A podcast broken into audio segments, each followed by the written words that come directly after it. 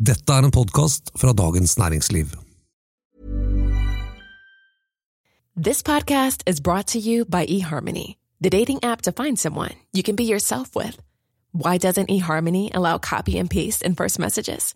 Because you are unique, and your conversations should reflect that. eHarmony wants you to find someone who will get you. How are you going to know who gets you? If people send you the same generic conversation starters, they message everyone else. Conversations that actually help you get to know each other. Imagine that. Get who gets you on eHarmony. Sign up today. Here's a cool fact a crocodile can't stick out its tongue. Another cool fact you can get short term health insurance for a month or just under a year in some states. United Healthcare short term insurance plans are designed for people who are between jobs, coming off their parents' plan, or turning a side hustle into a full time gig.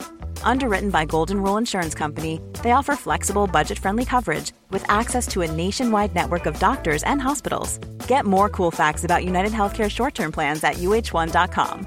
It's that time of the year. Your vacation is coming up. You can already hear the beach waves, feel the warm breeze, relax, and think about work. You really, really want it all to work out while you're away. Monday.com gives you and the team that peace of mind. When all work is on one platform and everyone's in sync, things just flow wherever you are. Tap the banner to go to Monday.com.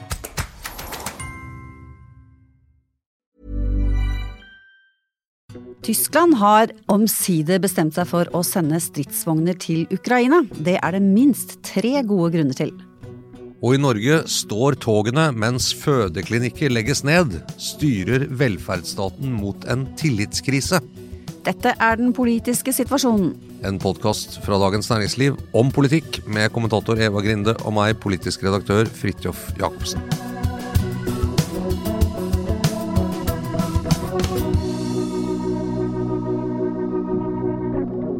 Yes, altså.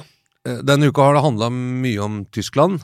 Og nå skal vi bare prøve å dra en liten bro til at vi sist uke podcast snakket mye om Rødt og deres eh, nei til våpenstøtte til Ukraina. Ja, overskriften blir da fra andedam til global geopolitikk. Til enten enten mer, som det et, et andehav heter på tysk, da. Enten mer Enten mer, tror jeg det var. Eller enten mer, jeg er litt usikker på det. Men, til Zeitenwende. men det er litt eh, Rødt da de var på Debatten, eller deler av Rødt, får vi si, fikk jo enormt massiv kritikk for sitt standpunkt om at de om ikke ville sende våpen til Ukraina. Eh, mens eh, Tysklands forbundskansler Olof Scholz, som forrige uke på et møte på fredag var ventet at han skulle si at nå åpnet man for at tyske stridsvogner kunne komme til Ukraina, strittet imot. Nå har han snudd, og nå skal de sende noen og sier at folk kan sende osv., men det ble et eh, politisk haraball rundt Tyskland eh, i noen dager der. Ja, og det er jo fordi at uh, Ukraina har etterspurt 200-300 stridsvogner i sin uh, kamp mot uh, Russland, i, som de mener at de trenger for å stå imot, for å drive russerne ut, og for å kunne stå imot en, en, en forventet offensiv. Og så har på en måte våpenleveransene fra Vesten stoppet rett før den type så avanserte våpen, egentlig ganske lang tid. USA har også diskutert med seg selv hvorvidt man skal supplere stridsvogner. Um, og så har det da kommet opp denne spesielle stridsvognen som er tyskprodusert, som heter Leopard 2, som også Norge har noen av. Mm.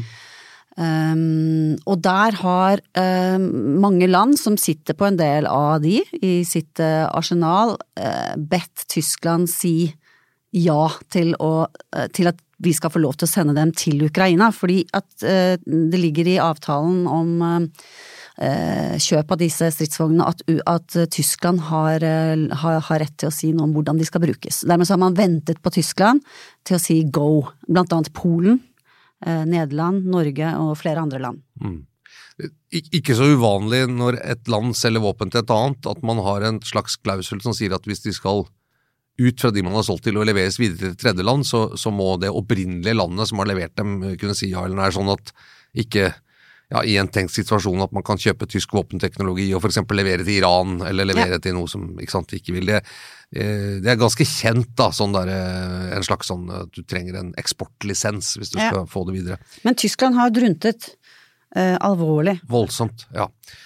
Eh, og dette har, det vært, dette har jo vært eh, i, i, storpolitikken i Europa, så, så, har jo, tror jeg, dette, dette her som kunne se ut som en, en slags i hvert fall en liten sprekkdannelse i det som til nå har vært en ganske sånn utad sett, i hvert fall, ganske sånn eh, samlet og eh, hva skal man si, smooth respons, hvor Eh, man har gjort omtrent det samme på likt. Noen har liksom vært langt fremme i løypa, noen har vært litt tilbake, men det har vært en liksom, sånn samlet Vesten som støtter Ukraina, hvor det gradvis har kommet mer og mer avanserte våpen, og gradvis mer og mer hjelp eh, inn der så så man vel her denne uka det første tegnet på noe som kunne se ut som en ganske alvorlig sprekkdannelse. Og, og, nettopp akkurat for det som du, du sier med dette tredjelandsgreiene, ikke bare fordi Tyskland sier vi vil ikke sende, for vi har, men vi andre, vi kan nekte andre å sende fordi vi har den makten. Og det ble det veldig mye bråk av. Ja, absolutt. Men det eh, som jo er litt interessant, er jo hva er det som har plaget eh, Tyskland her, ikke sant? Og, og en av, de tingene, sånn ref også den debatten vi hadde om, om lille Rødt og den eh, ikke sant, halvparten av et, eh, et eh, parti på den ytterste venstresiden i norsk politikk. Mens i Tyskland så dreier det seg jo om lang tradisjon i det sosialdemokratiske partiet SPD, som jo har hatt helt siden andre verdenskrig en politikk om å ikke bidra til uh, væpnet konflikt. Ja, Tysklands på en måte litt uh, frynsete rykte som militær stormakt, som det jo var en periode, det, ja. det henger jo igjen. Og, og, Tyskland sett i forhold til hvor stort land det er, og hvor stor økonomi det er, har jo et relativt begrenset forsvar, ganske gammelt, uh, ganske umoderne, og har jo vært et land som har fått mye kjeft, eh, altså som har vært lenge bygget på at det er amerikanerne, og Nato, særlig amerikanerne, som har vært deres sånn, militære sikkerhetsgaranti. Eh, en av de liksom, store deler av Tyskland hadde jo grense mot Øst-Tyskland og Warszawapakten mm. osv. Så, videre, så de har ønsket å være en passiv part på, altså De er jo helt klart medlem av Nato og har vært det hele tiden osv., men ønsker, har ikke ønsket å ta en aktiv eh, rolle. Og det var vel noe av det som også har preget argumentasjonen nå, at eh, vi ønsker ikke å si go til dette før vi vet hva USA gjør med sine stridsvogner. Og det, har, det, jo heller, det, var jo heller ikke eh, et spørsmål som ble løst før nå, siste uka. Nei, og der, disse Leopard 2 er jo ganske gamle stridsvogner. De, de, de første ble bygget på 60-tallet. Og i Norge så sier man jo at de er så gamle at vi skal, antageligvis kjøpe nye stridsvogner for å erstatte disse Leopard 2. Eh, men det betyr jo at disse amerikanske som heter M1 Abrams, de er mye mer moderne og det er mer teknologisk avanserte og da vanskeligere å operere. Og så er det også noe med at de går på et helt annet drivstoff, en slags flybensin, som er jo mm. vanskeligere da enn en vanlig diesel, som eh, så vidt jeg har forstått eh, disse leopardene går på. da. Altså USAs argument har vært mer praktisk pragmatisk i den forstand at de mener at det vil kreve mye opplæring og, og den type ting. I hvert fall er det de offisielle argumentene. Og så er det kanskje også et uoffisielt argument om at han også har vært veldig redd for, fordi de er sånn hypermoderne, at den teknologien skal eh, komme russerne i hende på en eller annen måte, da. At de skal få tak i et sånt kjøretøy og, og få tak i hemmeligheter. Det kan også hende. Mm. Eh, det som har vært litt interessant, som vi, snakket litt om før vi gikk inn her, er jo hvordan det at Tyskland liksom er litt tilbakeholdne. De har jo gitt seg, men, men en stund var litt tilbakeholdne. Så skal vi virkelig gå opp liksom ett notch til og sende mye tyngre og mer avanserte våpen? Er det så lurt?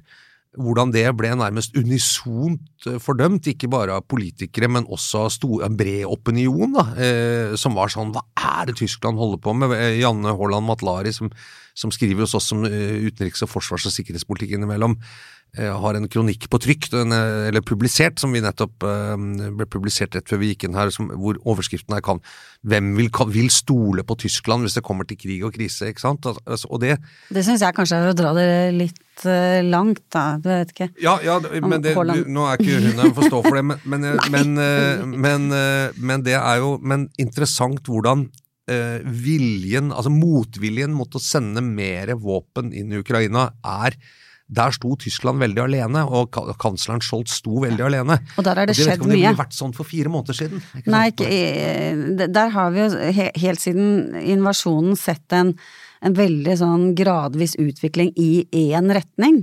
Eh, i den, altså, stadig flere og stadig mer avanserte våpen, og, og nesten eh, stadig mer unison eh, eh, overbevisning i Vesten om at det er det vi må gjøre.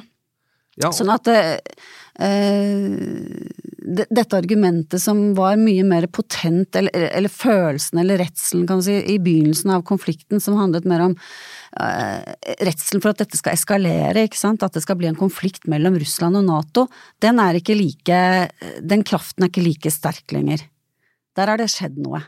Ja, og her i Norge, som er det politiske stemningen vi jeg, altså, selvfølgelig oppfatter mest, så vil jeg jo si at eh, disse stemmene som er nå sånn, ikke sant, den tredje vei altså, det, det, virker som en altså, Alt fra SV, ikke sant, den som lekset opp for Rødt eh, i Debattens studio, var Audun Lysbakken fra SV, eh, og den nye SV-lederen Kirsti Bergstø, som er sånn ja, vi er for våpen. Det er ganske sånn eh, Det har vært lite forståelse for Tysklands eh, drunting, ikke sant, også her.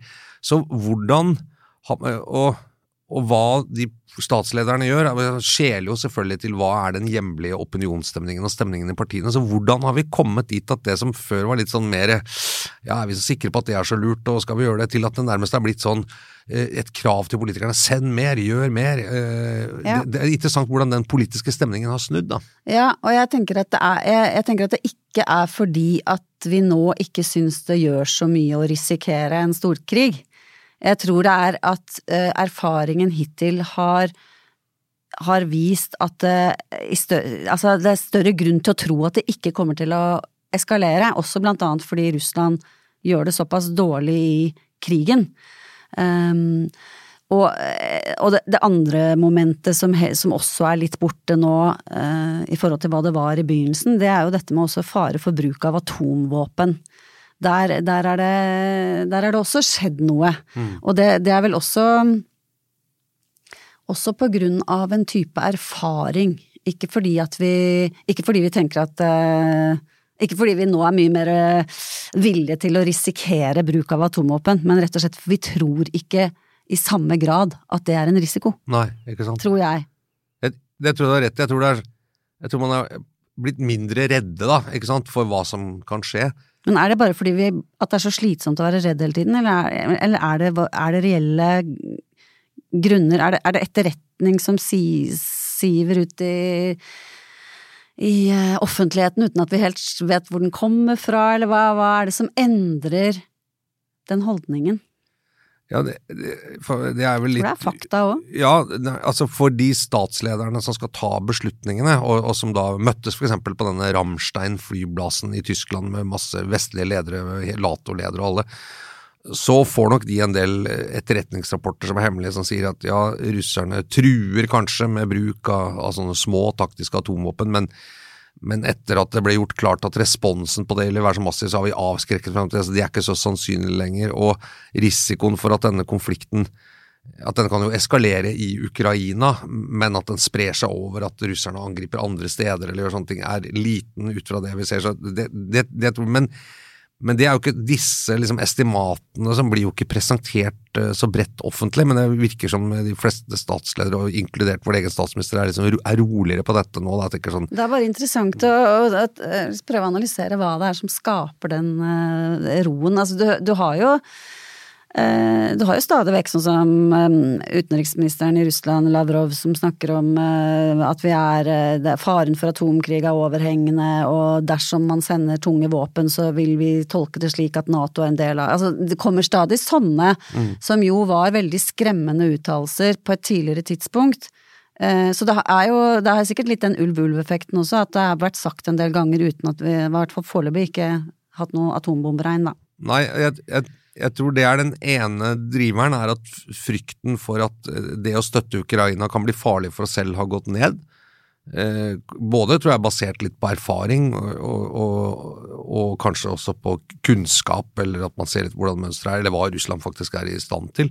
Ja. Eh, men det andre tror jeg at et standpunkt som har begynt å feste seg mer, er at at vi støtter ikke lenger Ukraina eh, kun fordi det er en moralsk forpliktelse, eller fordi liksom folkeretten tilsier det, som har vært ofte legitimeringen av militære eh, angrep før. Eksempel i Libya var jo at man skulle beskytte en sivilbefolkning, eller, eller, da USA og mange andre land gikk inn i, i Kuwait i begynnelsen på 90-tallet, den første Gulfkrigen, så var det sånn vi finner oss ikke i at uh, Saddam Hussein og Irak invaderer et annet land og prøver å ta det, så da jager vi dem ut, men vi stopper ved grensen.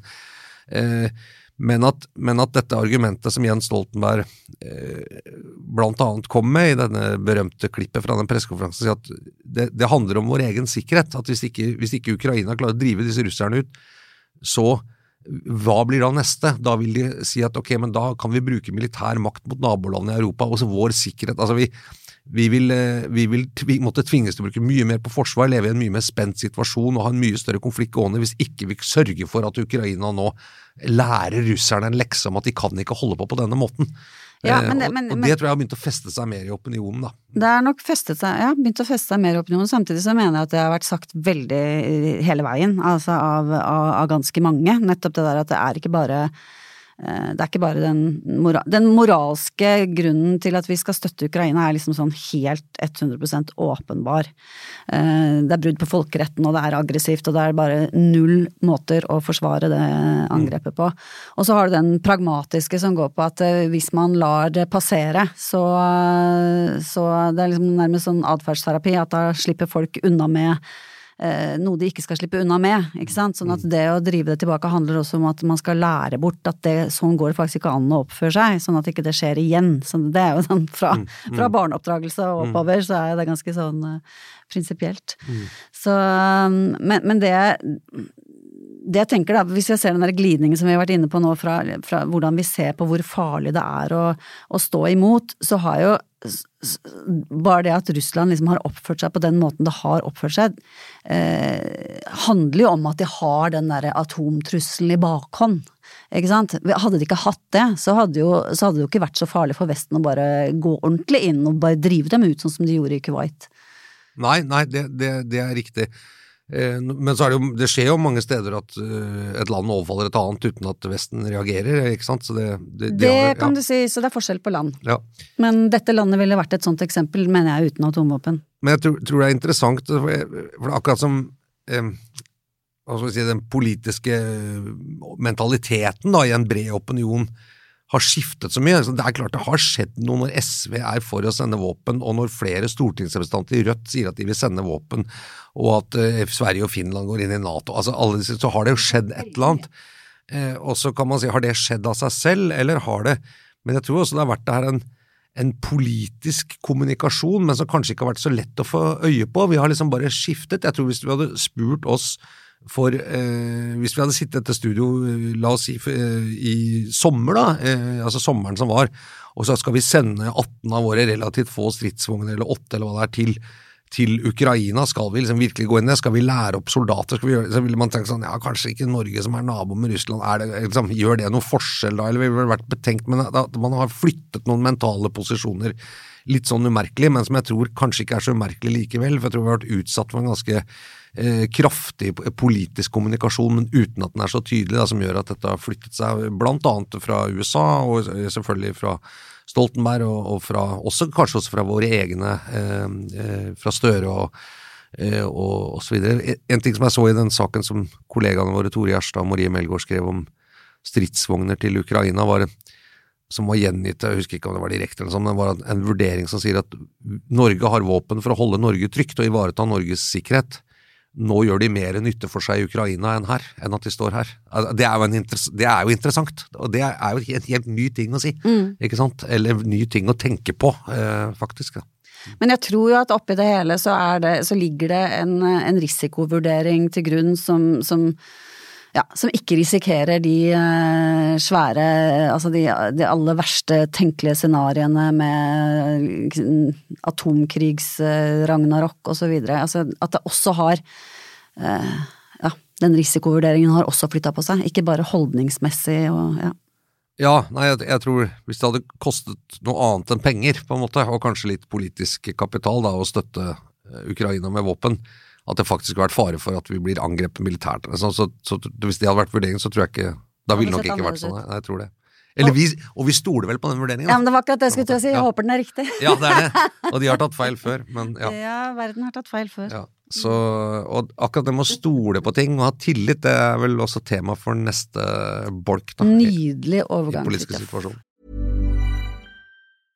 Hey, I'm Ryan Reynolds. At Mint Mobile, we like to do the opposite of what Big Wireless does. They charge you a lot, we charge you a little. So naturally, when they announced they'd be raising their prices due to inflation, we decided to deflate our prices due to not hating you. That's right. We're cutting the price of Mint Unlimited from $30 a month to just $15 a month. Give it a try at mintmobile.com slash switch. $45 upfront for three months plus taxes and fees. Promo rate for new customers for limited time. Unlimited more than 40 gigabytes per month. Slows. Full terms at mintmobile.com.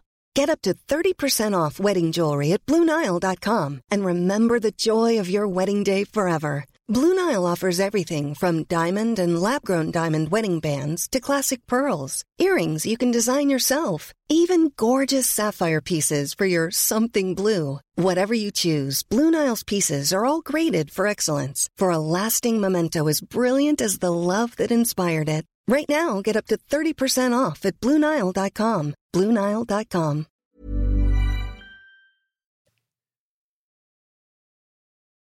Jo, fordi eh, Og skal vi by litt på oss selv, da, eh, Eva Grinde? Skal vi? Ja, Ja. fordi at når det gjelder eh, våre kommunikasjonsvaner til og fra jobb, eh, så er vi vel eh, ikke avhengig av tog. Nei, Vi bor liksom innenfor mer av bena og sånt. Og Ja. Kanskje en liten buss når det er dårlig tid. Vi bor vel inne, Jeg bor i hvert fall innenfor til og med Ring 2, så det vet jeg ikke om du også gjør det? Eller rett på utsiden, kanskje? Nei. jo, jeg bor eh, ja, Ja. Nei. Men, Eh, men, eh, så det får vi bare være åpne om, det er lett å finne ut i telefonkatalogen om. Men, eh, men eh, alle er ikke som oss, eh, heldigvis, får vi si. noen bor helt ute på ski, faktisk. Ja, det, veldig mange, veldig mange eh, som jobber i eller rundt Oslo er avhengig av tog for å komme seg til og fra jobb, eller det er foretrukken reisevei. Eh, enten de skal jobbe inn i Oslo, eller de skal gjennom ting. Og, og eh, nå, vi- Follobanen, er jo rett ved Viken, da kom det en ny melding her om Follobanen, som nå åpningen er utsatt på ubestemt tid. Ja, jeg så det. Vi vil ikke si noe om når den åpner. Altså, dette dreier seg om en 22 km lang bane mellom Oslo og Ski, Ja. som ble med dunder og brak og konger og statsminister og alt åpnet 11. desember.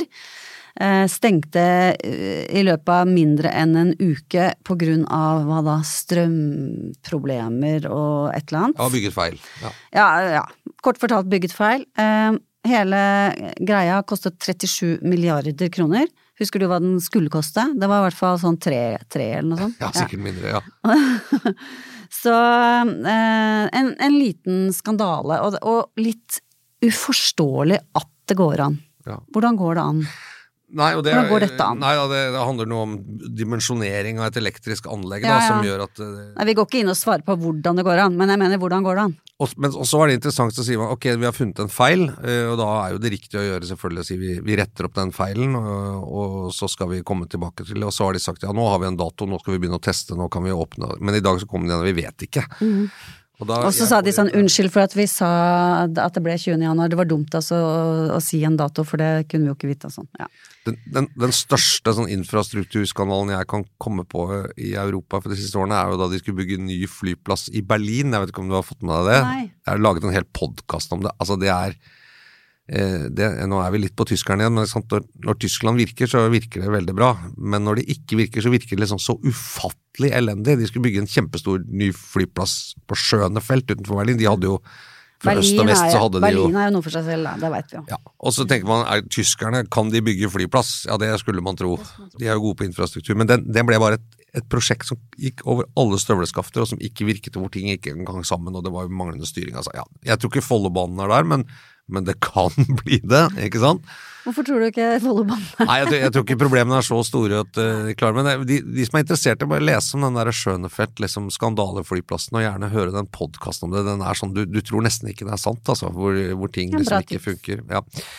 Eh, og, men, eh, Ekstra glad i skandaler. men, men det er i tillegg veldig mye av de andre toglestrekkene som også har vært rammet av signalfeil, og har vært ofte om morgenen sånn, for sånn flash fra NTB, hvor det står sånn ikke sant, tog ute av stand, driftsstans mellom Asker og Drammen, driftsstans for Oslo-tunnel, drift. Det har vært veldig mye sånn dårlig rute, eller dårlig sikkerhet. Sånne flash pluss eh, poster fra frustrerte Facebook-venner.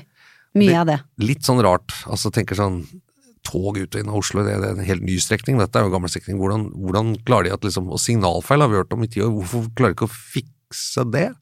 Ja, det var noe med strømmen som ikke kom tilbake, eller noe sånt. Men ja.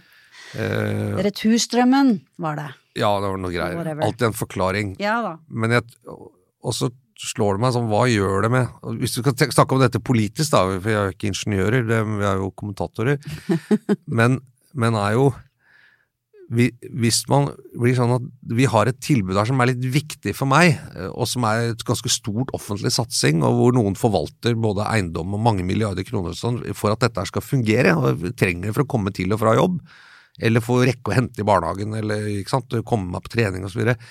Hvis det ikke virker, hvis det bare overhodet ikke virker, man klarer ikke å bygge nytt osv., hva kan det tære noe på ting? Og det slo meg altså når jeg så de voldsomme reaksjonene på at den ABC-klinikken, fødeklinikken for sånn naturlig fødsel på Ullevål skulle legges ned, hvor det var mye kjendiser og si, kulturelite som engasjerte seg i det, men, men at dette og sammen med sånn ja, vi har dårligere råd, vi må begynne å legge ned, vi må begynne sånne ting, vi må bare venne oss til at vi får en dårlig stand, sånn, hva gjør det med tilliten til velferdsstaten? Det er- lurer jeg litt på.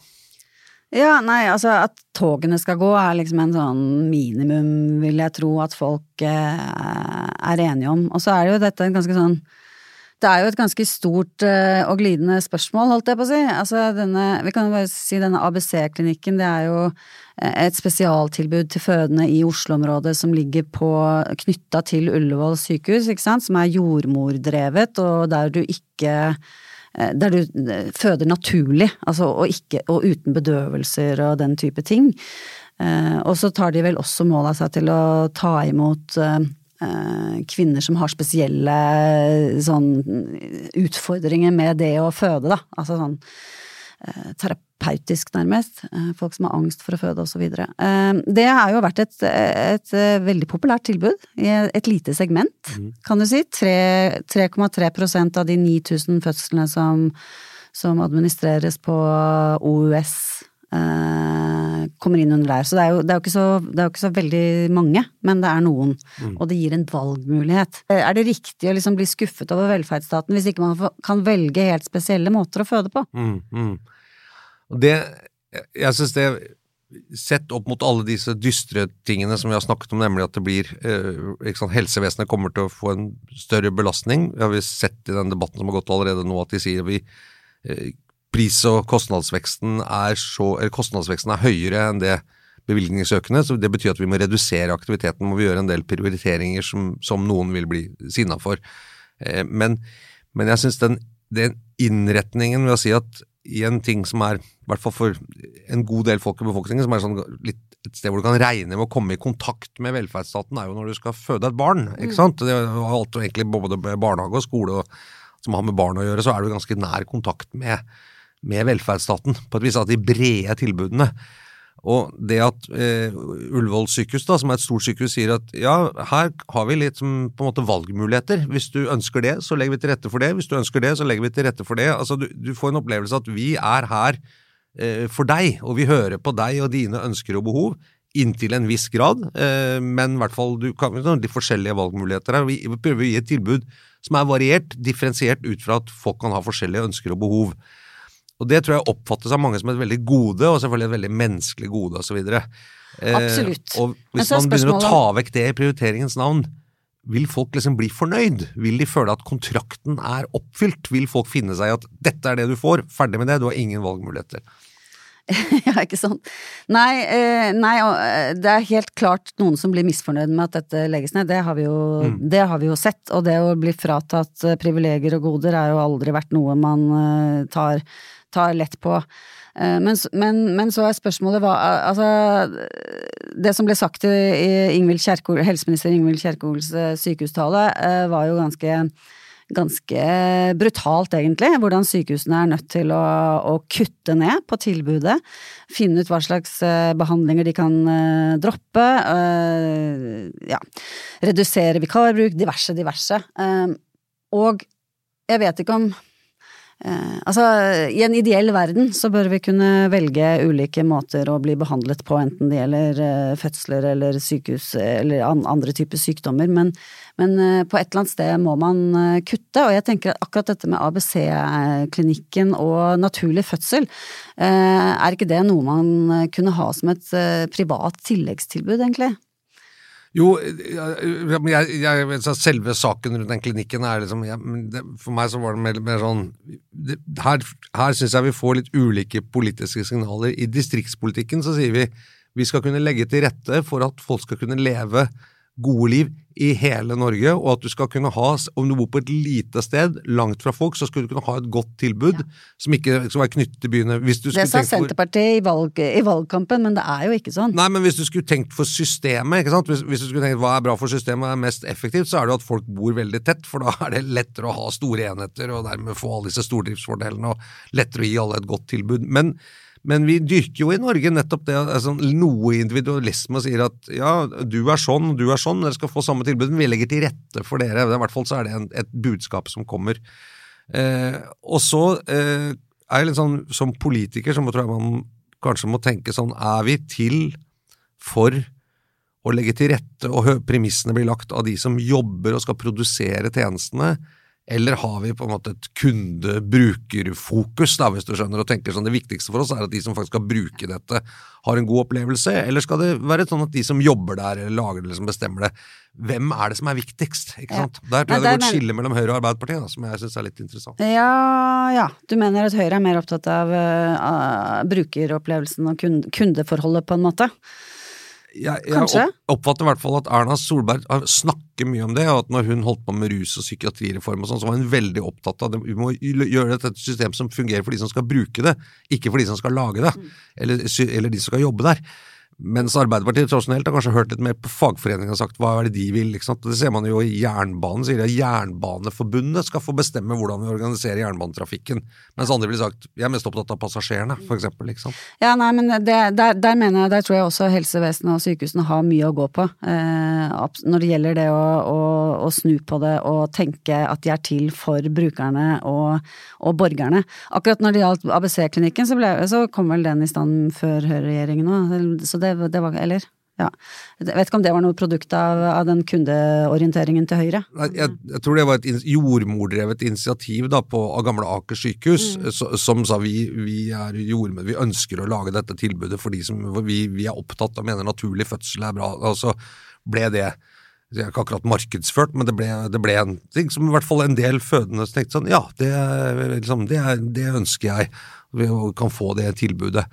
Eh, men, eh, men jeg, jeg syns det derre i en tid hvor liksom vi er, alt, Mye av det vi gjør er jo nå veldig sånn individuelt tilpasset. Allting som gjør digital handel, alt handler på en måte om hva vil du ha, vi som skal lage aviser. Vi snakker jo om personalisering og sånne ting. Og hvis velferdsstaten skal henge med på det som er mentalitet Hvis den sier sånn Nei, men her så er alt bare liksom på en måte Det er dette du får. Vi, vi, vi, driter, vi, altså, vi bryr oss ikke om hvem du er og hva du vil ha. Det er dette du får. Take it or leave it, liksom. Ja, så så- tror jeg kanskje det gjør noe med hele kontrakten. da. Ja, og det er interessant, for den- kontrakten blir utfordra, helt åpenbart, framover. Fordi at eh, vi blir stadig flere som ikke Altså stadig flere eldre. eh, færre hender videre. Hele den perspektivmeldingen sier jo alt om det.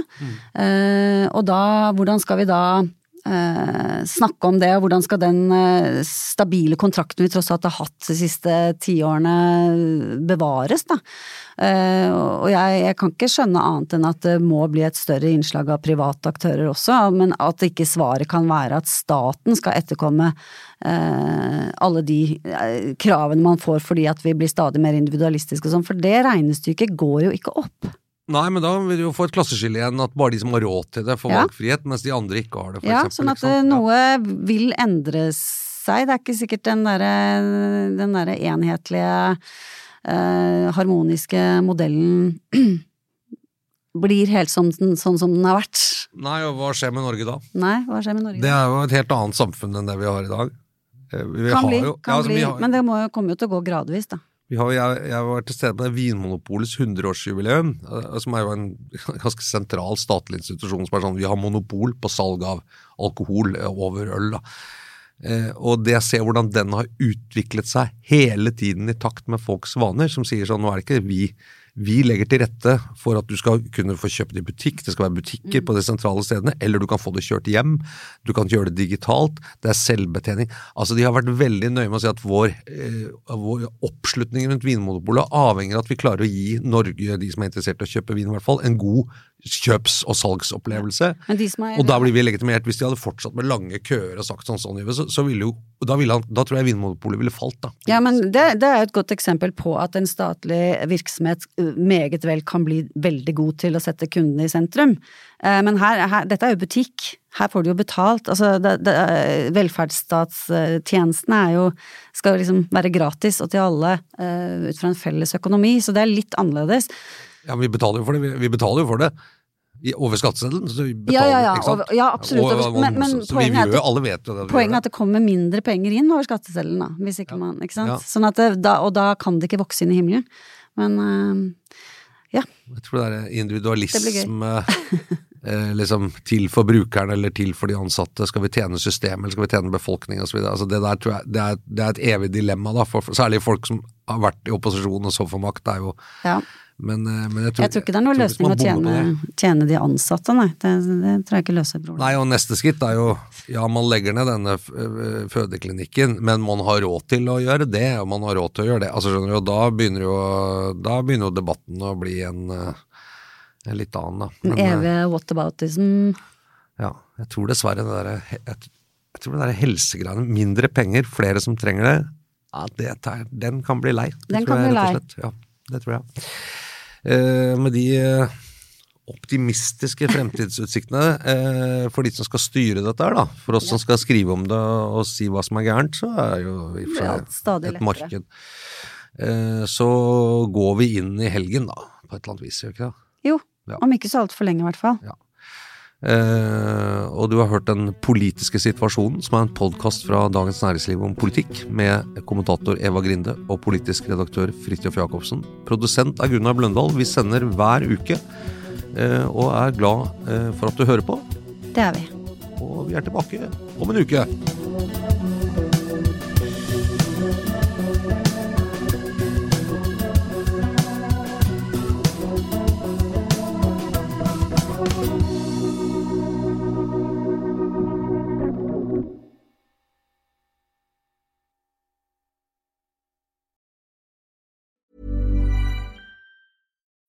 When you need mealtime inspiration, it's worth shopping Kroger, where you'll find over 30,000 mouthwatering choices that excite your inner foodie. And no matter what tasty choice you make, you'll enjoy our everyday low prices, plus extra ways to save, like digital coupons worth over $600 each week. You can also save up to $1 off per gallon at the pump with fuel points. More savings and more inspiring flavors make shopping Kroger worth it every time. Kroger, fresh for everyone. Fuel restrictions apply.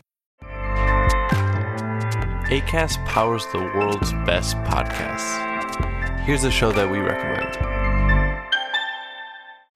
This is Roundabout Season 2, and we're back to share more stories from the road and the memories made along the way. We're talking rest stops, if we're stopping to get gas. You will be timed. you will be for sure. Misguided plans, I grew up in the city, so I have like, you know, a healthy fear of real extreme darkness. this was like wilderness. a lot of laughs, Y'all weird, but you, yeah, you, you were different. Like you were real different, bro. I can't really put my finger on it. and so much more. Just goes to show that unexpected things sometimes are the best when it comes to a road trip. Roundabout Season 2, presented by Nissan, is live now with new episodes rolling out every Thursday. Listen and subscribe wherever you get your podcasts.